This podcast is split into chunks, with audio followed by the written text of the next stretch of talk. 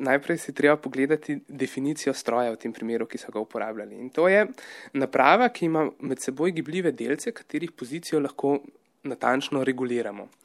In če to seveda lahko naredimo ciklično, lahko potem z vnosom energije ta naprava upravlja delo. Tako kot recimo bat, kjer se en del premika ven in notri, drugi del pa ostane fiksen. S čim bi lahko to primerjali, recimo v realnem življenju, to delovanje? V realnem življenju so to recimo stikala ali pa tudi kar motorji. Um, taki, vem, avtomobilski motor je velika naprava, že mati narava je pa tekom let naredila majhen, majhen nanomotor, se pravi biček, ki omogoča bakterijam, da se gibajo. Zdaj so pa ti znanstveniki naredili še, še manjši motor, ki se lahko vrti samo v eno smer, kar je bil ve, velik dosežek. Ja, več kot tisočkrat manjši od eh, človeškega lasu. Ne, ne, moremo, um, ne moremo ga videti z svetlobnim mikroskopom. Um, gre tukaj za zelo majhne strukture, lahko celo rečemo, da je to najmanjši stroj, kadarkoli ustvarjen. Ja, to so najmanjši stroji, ki so bili do sedaj narejeni. Um, treba je seveda omeniti, da ti Nobelovi nagrajenci so dobili nagrado zato, ker so postavili osnove za celotno področje. Se pravi, um, prvi izmed Nobelovih nagrajencev je um, postavil osnove za sintezo uh, molekulskih obročkov, ki so prekriti, tako kot je recimo logo od olimpijskih iger. In to je čisto osnovna taka, v bistvu je to še ugrodje. Potem ostali raziskovalci so pa to vzeli in naredili številne aplikacije, od stikala, majhne mišice.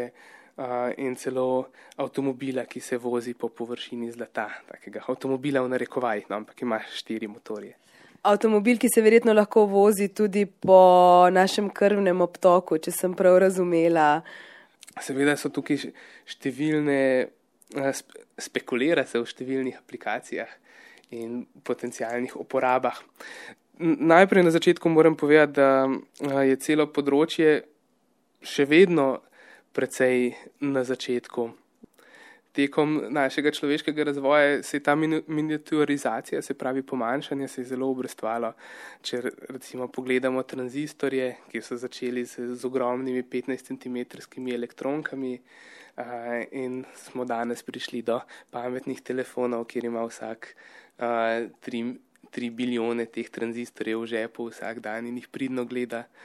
Um, in seveda takrat pri elektronkah noben ni pričakoval, da se bo to spremenilo v pametne telefone. Tako da zdaj aplikacije trenutne in tiste na krajši rok so pa gotovo v dostavi zdravil. Uh, se pravi, lahko bi skonstruirali take stroje in pa taka zdravila, ki se aktivirajo, se pravi, odprejo ali pa spremenijo obliko, ko posvetimo tja z lučkom.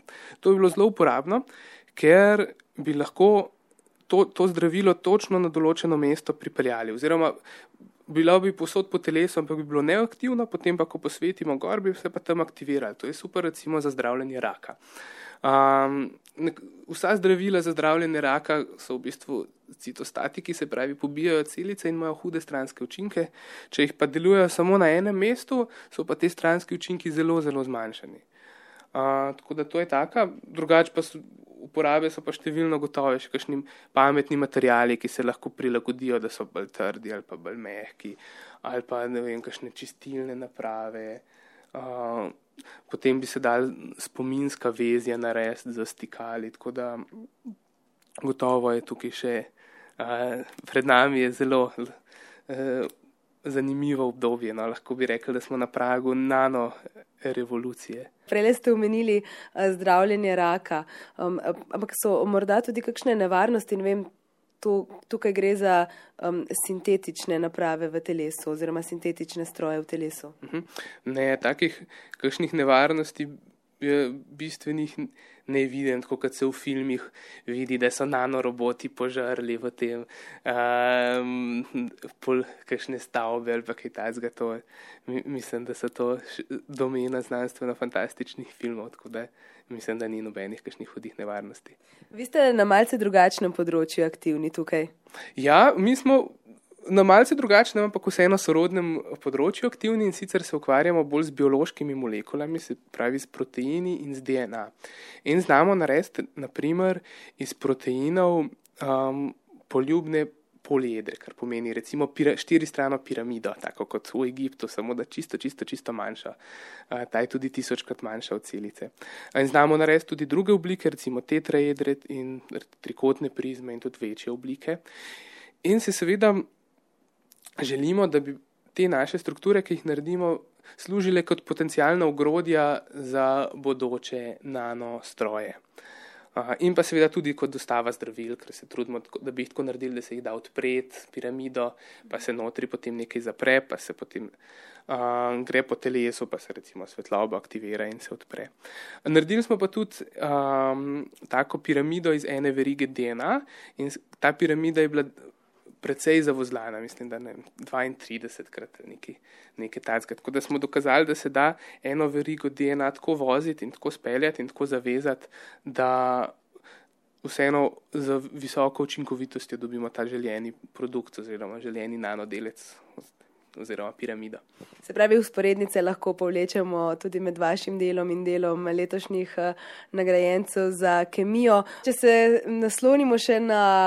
Um, izjavo uh, dr. Feringe, ki je vam danes dejal, da se počuti podobno kot brata Wright pred sto leti, ko so jim vsi govorili, da ne potrebujemo letal, no danes imamo Airbusse in Boeinge.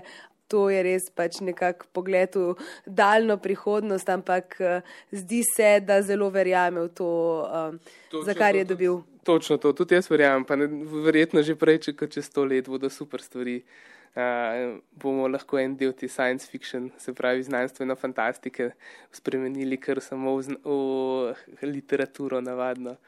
Tako da um, in se veselim, da bom to spremljal in lahko še mal prispeval zraven.